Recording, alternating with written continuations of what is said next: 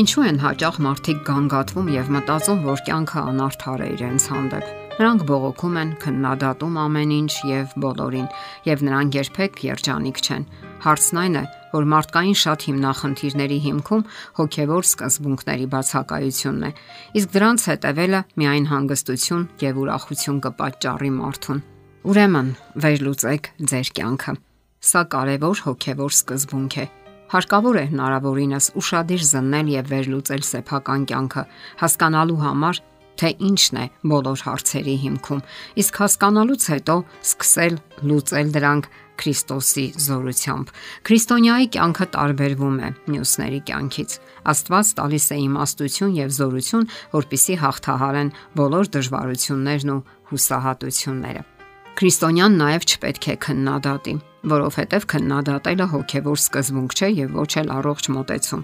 Մյուս պահը, ինչպես եք դուք արձագանքում քննադատություններին, անմիջապես հետ եք վերադարձնում, պատասխանում եք, սկսում եք ամբողջ ուժով պաշտպանվել, թե հակահարցակման եք անցնում։ Շատ ավելի հետաքրքիր կլինի դարձյալ ուսումնասիրել սեփական կյանքը հնարավոր է դուք հպարտեք, ճափից ավելի ինքնասեր եւ շուտ վիրավորվող ու խոցվող։ Իսկ միգուցե դասեր քաղենք այն ամենից, ինչ ասում են մարդիկ մեր մասին։ Երբեք չի բացառվում, որ նրանց ասասների մեջ ճշմարտության մասնիկներ կան։ Իսկ ահա պատասխանել նույն ոգով միանգամայն անիմաստ է, որովհետև մենք ինքներս ենք սկսում քննադատել կամ բամբասել։ Երբ մեզ քննադատում են, հնարավոր է նրանք ճիշտ չեն այդ պահին Սակայն մենք հիանալի գիտենք մեր մարդկային սխալական ու մեղավոր բնույթը։ Մարդկանց հետ ճշտելով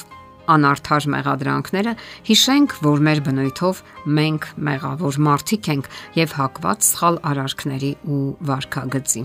Շատ հիմնախնդիրներ գալիս են նաև հպարտության զգացումից։ Աստվածաշնչում կարդում ենք, որ մարդու սիրտը նենգ է եւ խորամանկ, եւ միայն Աստված կարող է հասկանալ, թե ինչ է կատարվում այնտեղ մեր հոգու խորխորատներում։ Անկասկած է, որ մենք մարդիկս մեղավոր ենք։ Պողոս Արաքյալը գրում է. Ճշմարիտ է այս խոսքը եւ ամեն ընդունելության արժանի, որ Քրիստոս Հիսուսը աշխարհ եկավ մեղավորներին փրկելու, որոնցից առաջինը ես եմ։ Եթե Պողոս Առաքյալը իրեն համարում էր առաջին մեղավորը, մենք եւս կարող ենք մտածել այդպես։ Իսկ բոլոր դեպքերում մենք անհույս վիճակում չենք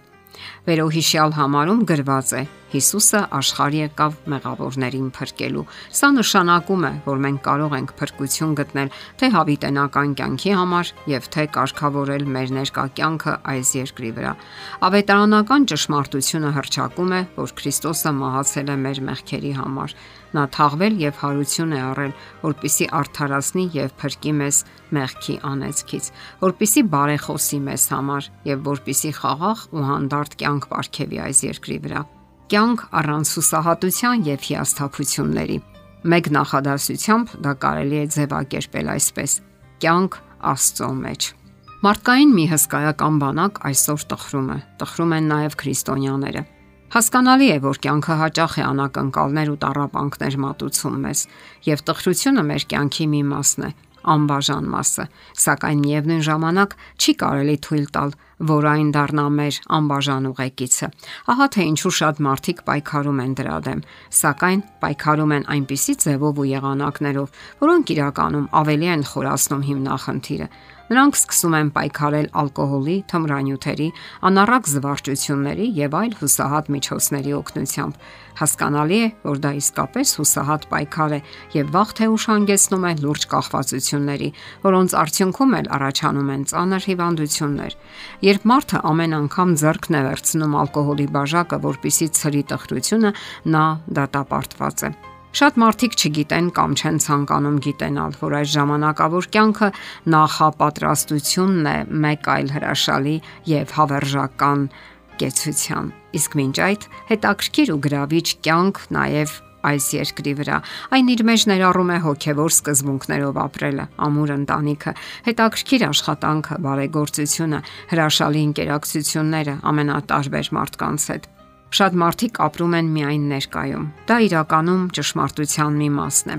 Մյուս մասն այն է, որ յուրաքանչյուր մարդ պատասխանատու է իր հավերժական ճակատագրի համար։ Դրա համար Աստված առաջարկում է կարդալ իր խոսքը, Աստվածաշունչը եւ նայել ապագային այդ գրքի սկզբունքների տեսանկյունից։ Նա հավերժական կյանք է խոստանում այն բոլորին, ովքեր Աստծուն են հանձնում իրենց կյանքը տխրության, ձանձրույթի ու հուսահատության փոխարեն դուք կարող եք համագործակցել Աստծո հետ եւ քայլել նրա առաջարկած անվտանգության ճանապարհով։ Հոգևոր սկզբունքներին հետևելը կնպաստի, որ ապրեք լիարժեք կյանքով։ Ամենամեծ ուրախությունն ու ցնծությունը, բուրըն հույզերը մեզ կարող են ապարգևել Աստծո հետ հարաբերությունները, որովհետև նա է ցույց տալիս եւ առաջնորդում այն ուղիով, որը անվտանգ է, անվնաս։ Դե ի՞նչ, ապրեք այդ կյանքով եւ երբեք չեք զղջա։ Եթերում է ղողանջ հավերժության հաղորդաշարը։ Հարցերի եւ առաջարկությունների համար զանգահարել 033 87 87 87 հեռախոսահամարով։